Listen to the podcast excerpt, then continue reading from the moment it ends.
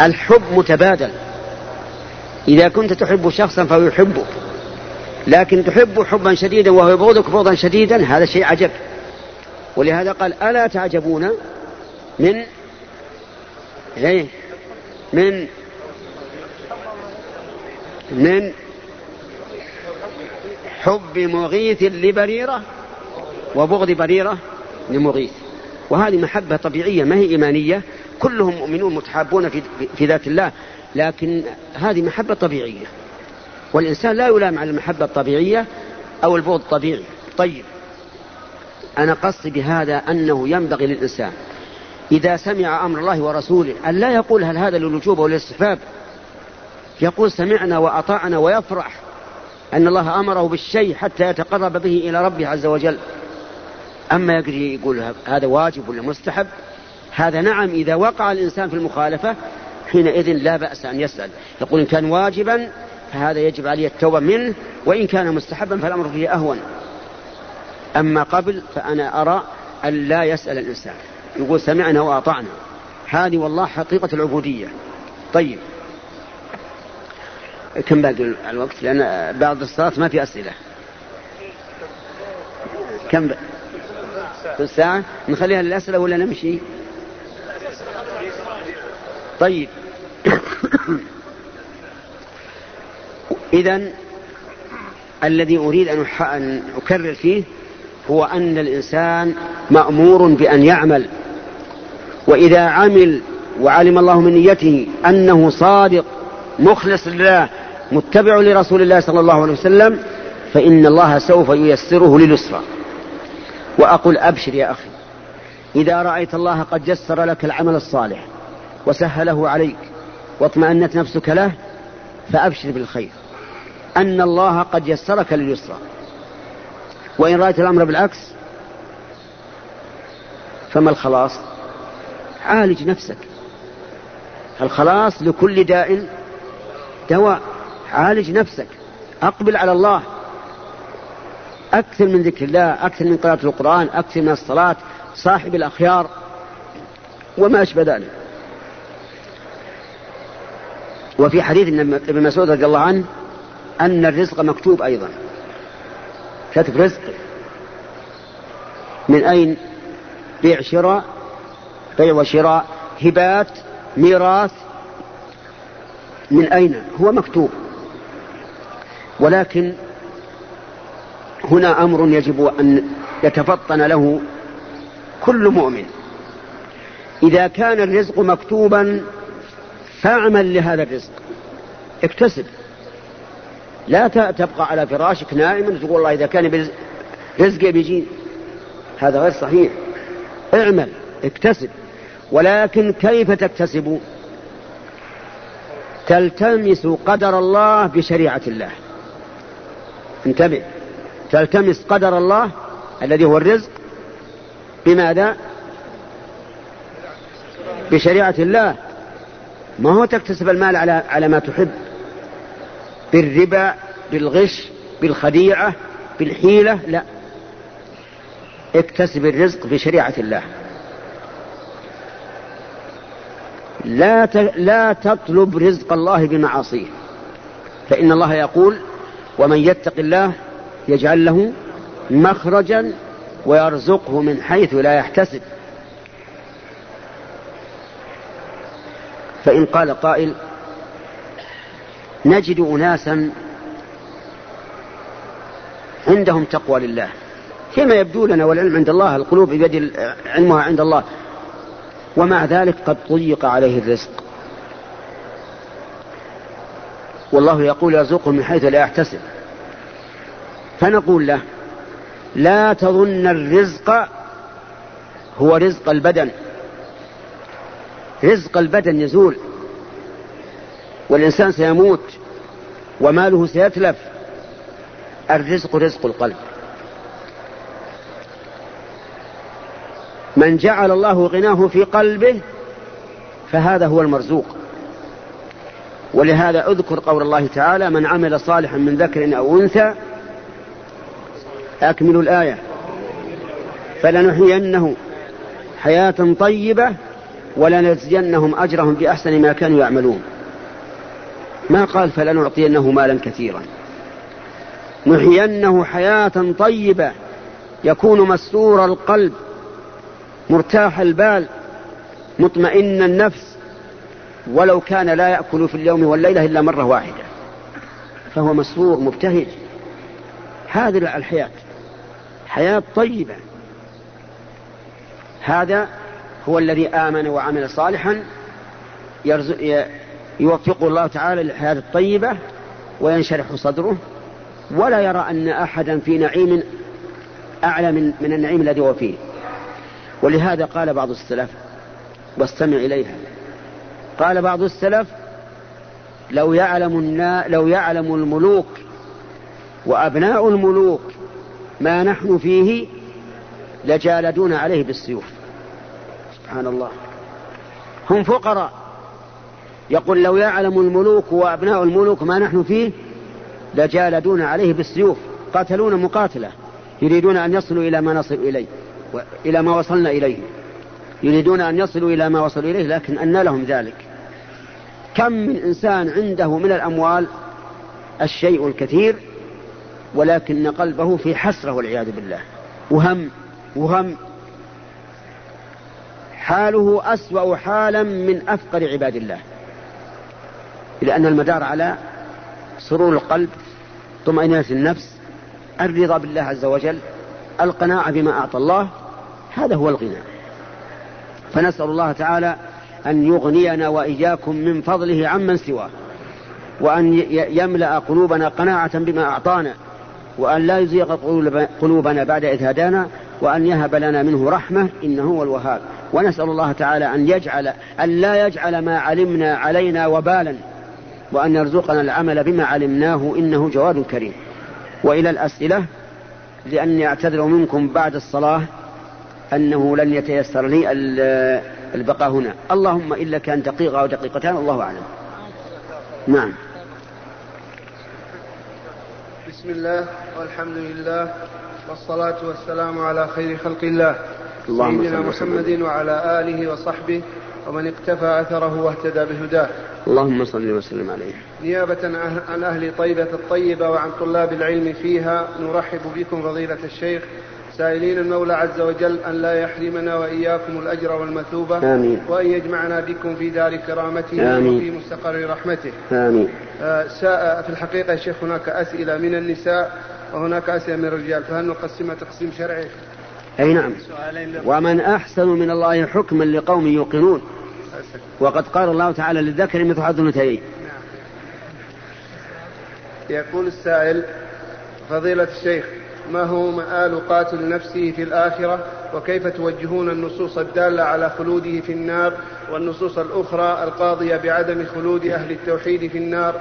آمل منكم الإفادة في هذا وجزاكم الله خيرا. الواجب علينا نحو هذه النصوص أن نؤمن بها على ظاهرها لأن قائلها رسول الله صلى الله عليه وسلم وهو أعلم بمراده بها وهو أفصح الخلق ولا يمكن أن يؤكد هذا التأكيد خالدا مخلدا فيها أبدا إلا وهو يعلم ما يترتب على ذلك. فيمكن أن يقال إن هذا مستثنى. يمكن أن يقال إن هذا مستثنى وأن قاتل نفسه لا يغفر له. كالمشرك. وإما أن يقال إنه حين قتل نفسه ليس في قلبه إيمان. لأن النبي صلى الله عليه وسلم قال لا يزال الرجل في فسحة من دينه ما لم يصب دما حراما. وإذا كان الرسول قال عليه الصلاة والسلام لا ينتهب نهبة يرفع الناس إليه فيها أبصارهم حين ينتهبها وهو مؤمن فهذا أشد قاتل نفسه. فنحن نجيب عن هذا بأحد أمرين. إما أن يقال بأن هذا مستثنى وأن قاتل نفسه كالمشرك لا يغفر له. والثاني أن يكون عند قتله نفسه مسلوب الإيمان. قد زال منه الإيمان بالكلية. حتى يصدق هذا الحكم النبوي من رسول الله صلى الله عليه وسلم وهو أنه خالد مخلد في نار جهنم. نسأل الله العافية والسلامة نعم. جزاكم الله خيرا. سأل يقول يا شيخ بالنسبة إلى السقط إذا أكمل إذا أكمل المدة فهل يسمى قبل أسبوع؟ نعم. يعني يسمى ويعق له قبل نعم. أسبوع؟ التسمية بارك الله فيكم إذا كان الإنسان قد هيأ الاسم وينبغي للإنسان أن يختار الاسم الطيب لأولاده. إحسانا إلى الولد ولأن الولد يوم القيامة سيدعى بهذا الاسم سيدعى باسمه فاختر له الاسم الطيب. وإياك والأسماء المحدثات التي قد لا نعلم معناها. وأحب الأسماء إلى الله ما هو؟ عبد الله وعبد الرحمن. هذا أحب الأسماء إلى الله. ولا أبتغي اسما غير غير اسم يحبه الله عز وجل. إنسان يعلم أن الله يحب اسم عبد الله وعبد الرحمن ثم يعجل عنه ما حد أنا لا أفعله. أنا لا أفعله. لأن الله يحبه. إذا أول ما نسمي أسماء أبناءنا بإيش؟ عبد الله. ثم عبد الرحمن. لأن الله هذه أحب الأسماء إلى الله. كذلك أسماء البنات. أسماء البنات اللي فيها من كل فاكهة زوجان يعني أشياء غريبة يسمون البنات. نعم. أسماء غريبة. تعجب كيف جاءتهم.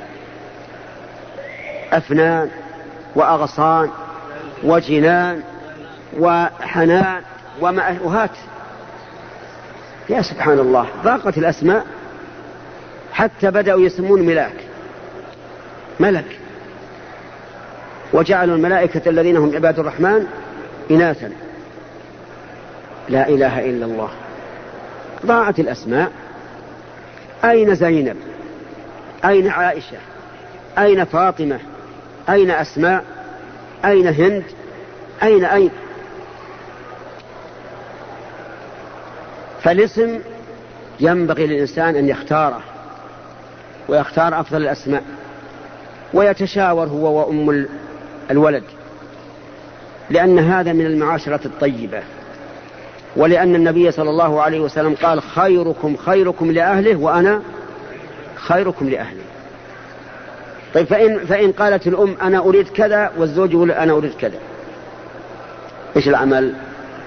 نقول أما إن أردنا المحاقة فالاسم للأب هو الذي يسمي وأما إن أردنا المعاشرة الطيبة والمصالحة فالقرعة.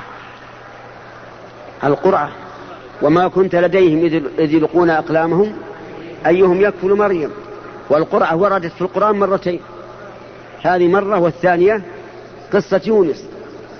فساهم فكان من المدحضين. وهذا مما يطيب النفس ويزيد في الإلفة بين الزوج وزوجته. قرعة لكن لا يخدعها في القرعة. نعم يطلب من واحد ثالث أن أن يعمل القرعة.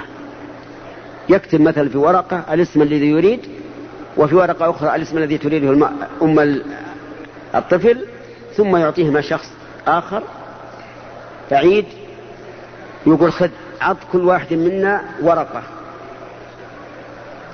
ثم إذا أعطى الأم الورقة الاسم الذي تريد ينفع يمشي.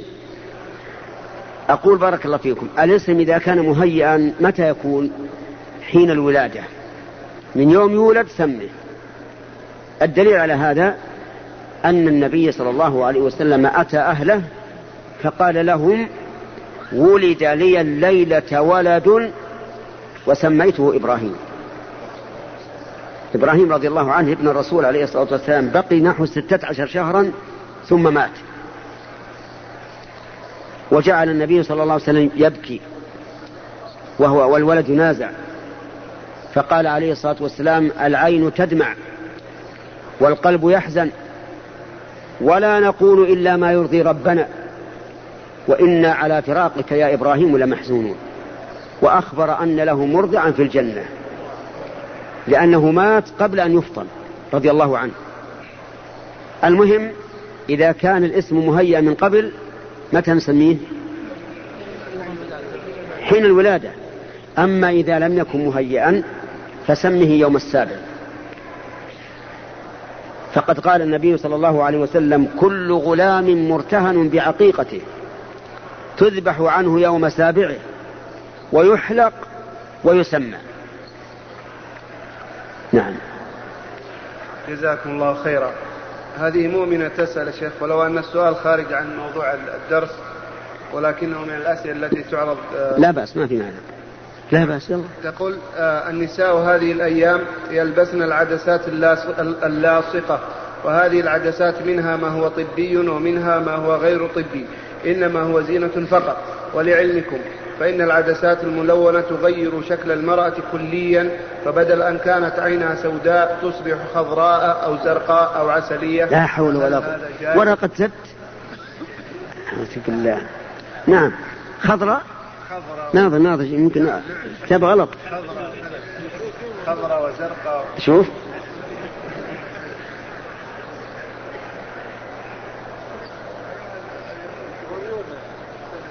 سوداء.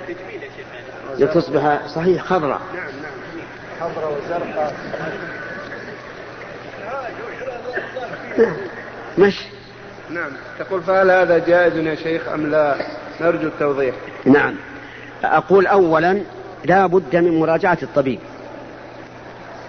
وهل هذه العدسات تلحق ضررا بالعين؟ إن قال الطبيب نعم فهي حرام. لأنه لا يجوز للإنسان أن يستعمل ما يكون ضررا على بدنه. حتى إني أقول لكم قولا قد تستغربونه يقول شيخ الإسلام ابن تيمية رحمه الله إذا كثر الإنسان الأكل وخاف أن يضيق من, من كثرة الأكل كان الأكل حراما عليه. شوف كيف؟ واحد اشتهى الأكل أكلة لذيذة فملأ بطنه ملأ عظيما لكنه يتأذى. صار يا الله ينفس. يقول شيخ الإسلام هذا حرام.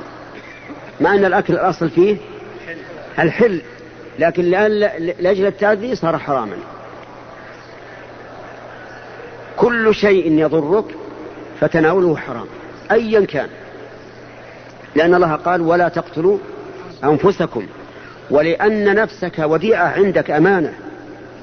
لا تفرط بها. فيسأل الأطباء إذا قالوا والله هذه العدسات اللاصقة تضر العين هذه حرام بدون تفصيل. إذا قالوا إنها لا تضر نظرنا إذا كانت تقلب العين إلى عين بهيمة إلى عين بهيمة. يعني بحيث تكون كعين الأرنب أو عين القط أو عين الكلب أو ما أشبه ذلك فهي حرام. حرام. الدليل قول النبي صلى الله عليه وسلم ليس لنا مثل السوء. شوف ليس لنا معشر المسلمين. مثل السوء. العائد في هبتك كالكلب. فجعل مشابهة البهائم محل ذنب وفي القرآن الكريم مثل الذين حملوا التوراة ثم لم يحملوها وهم اليهود كمثل إيش؟ الحمار يحمل أسفارا وهذا مقام ذم ولا مدح؟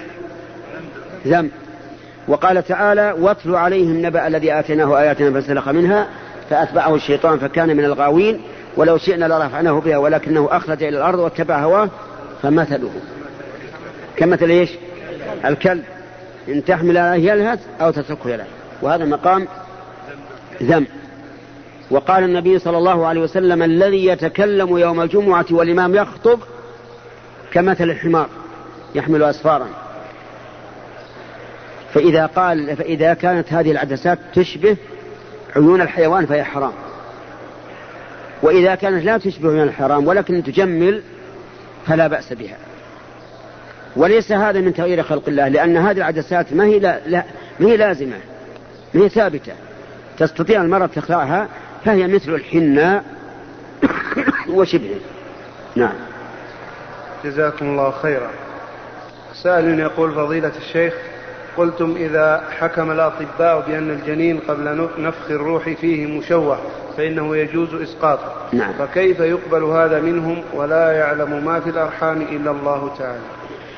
لا يا أخي. الأطباء يعلمون الجنين ويعلمون أنه مشوه أو غير مشوه.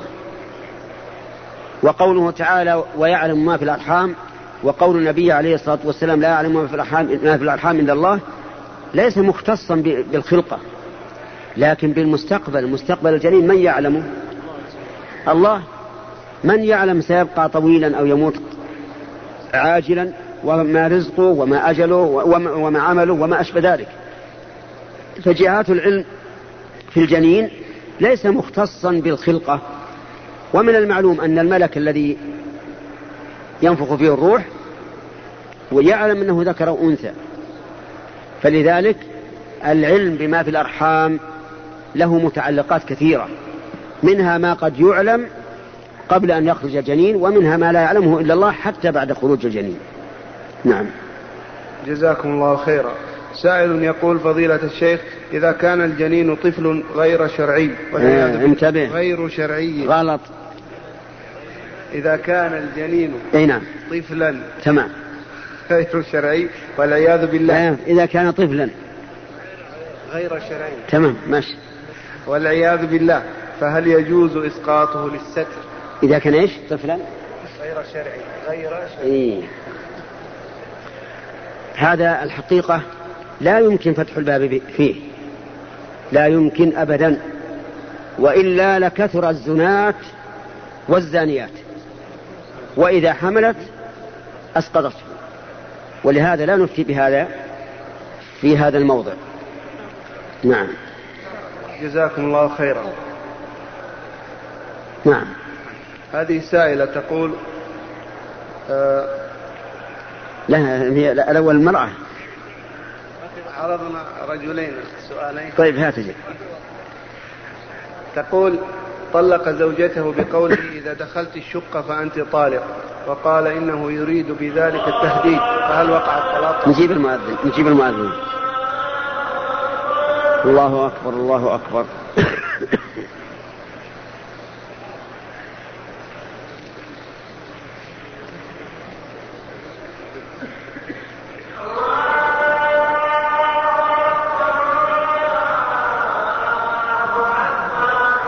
الله أكبر الله أكبر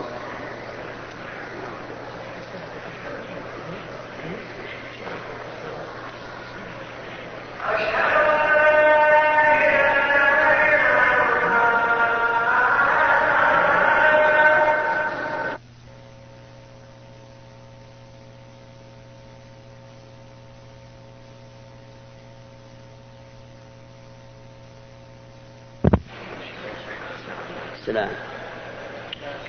الحمد لله. بارك الله فيك. الله جزاك الخير. نعم.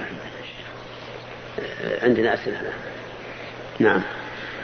تقول طلق زوجته بقوله إذا دخلت الشقة فأنت طالق وقال إنه يريد بذلك التهديد فهل وقع الطلاق أم لا؟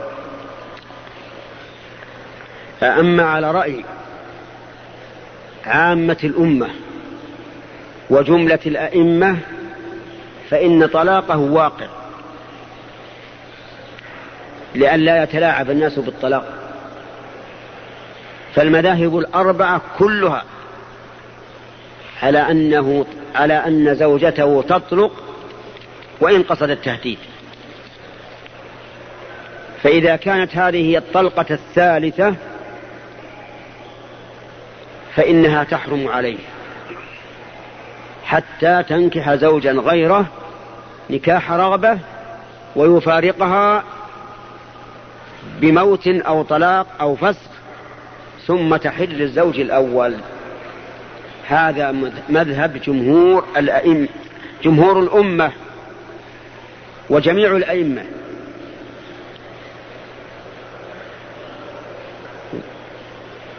ومن المؤسف أن هذا الحكم صار الناس يتهاونون به ولا يبالون به. يطلق زوجته عند أدنى شيء. إن لم تصلح الشاهي في ربع ساعة فأنت طالق. إن دخلت على أهلك فأنت طالق. إن رددت علي الكلام فأنت طالق. وهلم جرا. وعقد النكاح أخطر العقود. وأشدها شروطا. حتى إن الإنسان لا يدخل, لا يدخل فيه إلا بشروط ولا يخرج إلا بشروط. والدخول فيه مرغب فيه والخروج فيه مكروه الخروج منه. ما هو كالبيع والشراء؟ والتلاعب إلى هذا الحد حتى أصبح الناس لا يبالون. كل شيء إن فعلت كذا فأنت طالق. والله لو ان لو إن النساء رخاص كم المهر الآن؟ كم؟ خمسة آلاف؟ نعم. أو خمسين ألف. ثم إذا كان عندك خمسين ألف متى تجد امرأة؟ تضرب مئة باب؟ والله فايتة. صغيرة. وما أشبه ذلك. ثم يطلق زوجته عند أدنى شيء. سبحان الله. تلاعب هذا. ولذلك نقول إذا قال لزوجته إن دخلت البيت فأنت طالق تهديدا فدخلت تطلق زوجته على مذهب من؟ جمهور الأم الأمة وجميع الأئمة. الإمام أحمد بن حنبل الإمام الشافعي الإمام مالك الإمام أبي حنيفة أتباعهم جهابذة من أهل العلم يرون هذا. فالمسألة ليست هينة يا أخواني والتساهل فيها لا ينبغي. لكن شيخ الإسلام ابن تيمية رحمه الله ومن تبعه يقول إنه إذا قصد اليمين بذلك يعني التهديد أو المنع أو الحث فإن حكمها حكم اليمين إذا خالفته وجبت عليها كفارة اليمين. وأيد ذلك رحمه الله بأدلة وعلى كل تقدير حتى لو قلنا إن قوله هو الصحيح وهو الراجح فلا يجوز أن نتلاعب في الأمر. لا يجوز أن نتلاعب.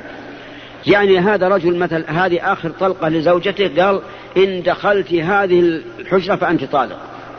آخر طلقة فدخلت. عند جمهور الأمة وجميع الأئمة أنها تحرم عليه. على رأي شيخ الإسلام ابن تيمية رحمه الله ومن وافقه تحل له ويكفر كفارة يمين. هذا الرجل الآن بعد أن تدخل المرأة هذه الحجرة ويطأها وطئها زنا عند أكثر الأمة. وطئها زنا. عند أكثر الأمة وعند جميع الأئمة وعند شيخ الإسلام ومن تبعه يكفر كفارة يمين والوطء حلال. أنا ماذا ماذا أعمل بشيء أكثر الأمة الإسلامية على أنها حرام وأنها زنا؟ ولهذا أنا أقول من هذا المكان أحذر عباد الله من هذا التلاعب بالطلاق وأقول اتق ربك. لا تطأ فرجا حراما عليك تحاسب عليه يوم القيامة. اضبط نفسك. إذا كنت تريد أن لا تدخل هذه الحجرة قل والله لا تدخل الحجرة. والله لا تدخلين الحجرة. بس. حين خالفتك فكفر وإن وافقتك فهذا المطلوب ثم إني أنصح أيضا شيء آخر. كثير من الناس ولا سيما الشباب يهون عليه أن يقول لزوجته إن لم تفعلي كذا فأنا أطلقك. إذا لم تفعل لا تطلق لأنه ما لم يقل إن فعلت إن لم تفعلي كذا فأنت طالق يقول فأنا أطلقك وهذا وعد قد يفي به وقد لا يفي به. لكن مع ذلك أنصحه لا تذكر الطلاق عند امرأتك. لأن الطلاق عند المرأة أكره شيء عندها أكره شيء. وإذا قلت ذلك وعودت لسانك عليه ربما تكرهك وتسوء العشرة بينك وبينها. جانب هذا اللفظ لا يرد على لسانك إطلاقا مع أهلك مهما أغضبوك. وإذا قدر أنك غضبت فهنا كلمة دواء. ما هي؟ أعوذ بالله من الشيطان الرجيم. فإن رجلا غضب عند النبي عليه الصلاة والسلام فقال إني أعلم كلمة لو قالها لذهب عنه ما يجد. لو قال أعوذ بالله من الشيطان الرجيم. كلما غضبت قل أعوذ بالله من الشيطان الرجيم. لأن الغضب كما قال نبينا عليه الصلاة والسلام جمرة يلقيها الشيطان في قلب ابن آدم. جمرة حارة. وقال الرسول أفلا ترون إلى انتفاخ أوداجه واحمرار عينيه من أين؟ من غليان الدم بهذه الجمرة التي ألقاها الشيطان في قلبه ولكن الدواء والحمد لله عند رسول الله عليه الصلاة والسلام. ما هو؟ أعوذ بالله من الشيطان الرجيم. فإن نفع هذا الدواء وإلا هناك دواء آخر. إن كان قائما يقعد إن كان قاعدا يضطجع فإن نفع فهذا المطلوب وإن لم ينفع هناك دواء ثالث. وهو الوضوء يتوضأ حتى يبرد أعصابه ويزول عنه ما يجد من شدة الغضب. أما بعض الناس نسأل الله العافية أدنى غضب يبت طلاق الزوجة أو يقول سأطلقك اترك الطلاق لا يرد على لسانك من جهة الزوجة إطلاقا. جزاكم الله خيرا. امرأة تقول لبست ذات يوم وبدون قصد لباسا ضيق نوعا ما.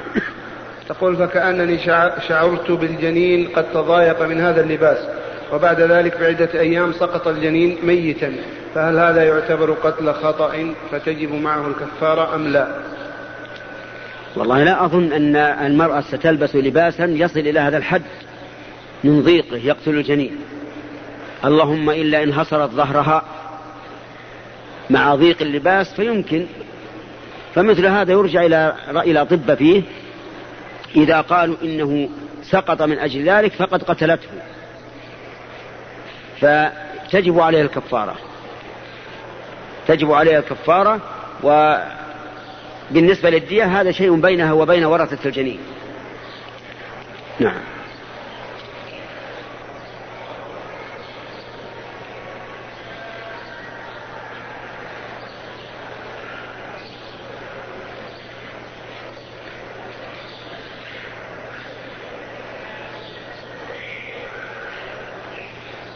هذا يسألك بالله أن تقرأ هذا السؤال.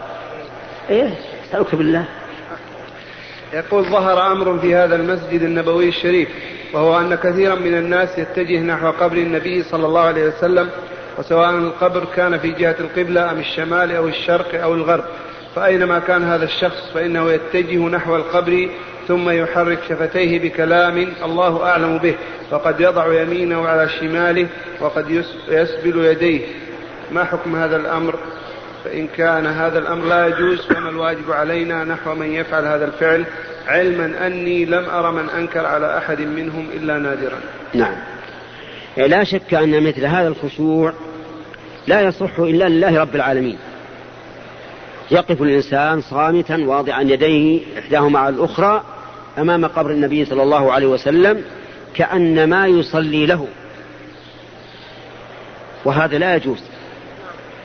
ولكن يبدو لي والله أعلم أن الحامل على هذا الفعل هو شدة محبة الرجل للرسول عليه الصلاة والسلام. فنقول له إذا كنت تحب الرسول صلى الله عليه وسلم شديدا فعليك بسنته. عليك بسنته. قل إن كنتم تحبون الله إيش؟ فاتبعوني يحببكم الله. ونتكلم معه برفق. أما يجي واحد ويجده قائلا هكذا ثم يفك يديه يقول أشركت بالله أشركت بالله هذا لا يجوز إلا لله هذا حرام هذا شرك ما يقبل. لكن كلمه بهدوء وقل له إن الخشوع لله رب العالمين. ينفع. الله